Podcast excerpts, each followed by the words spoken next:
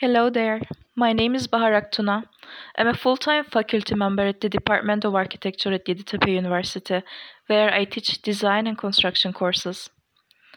I would like to briefly introduce one of the core courses in our department, that is the construction course with the code ARCH110.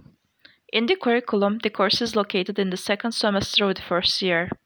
Thus, it is one of the initial courses that an architecture student will take in this department. Architectural drawing course acts as a prerequisite for construction course. The construction course itself is a prerequisite for two other courses. These courses are Architectural Design 1 and Construction Project. That means that it is not possible to start taking an architectural studio until passing the construction course. This stresses the importance of construction in the education of an architecture student.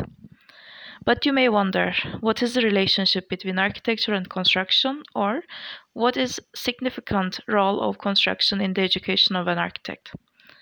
Construction focuses on materializing and actualizing an idea. It pertains to the knowledge of technology, materials, and methods, and it further entails resolving issues of habitability through proper weatherproofing. However, construction knowledge is not merely technical. It may free designers to work with imagination and set up a deep architectural experience.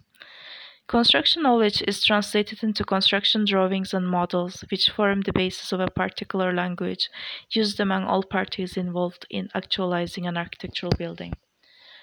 Towards this goal, ARCH 110 focuses on teaching basic theoretical knowledge of materials and methods of construction, and it further equips students with the language of construction drawings.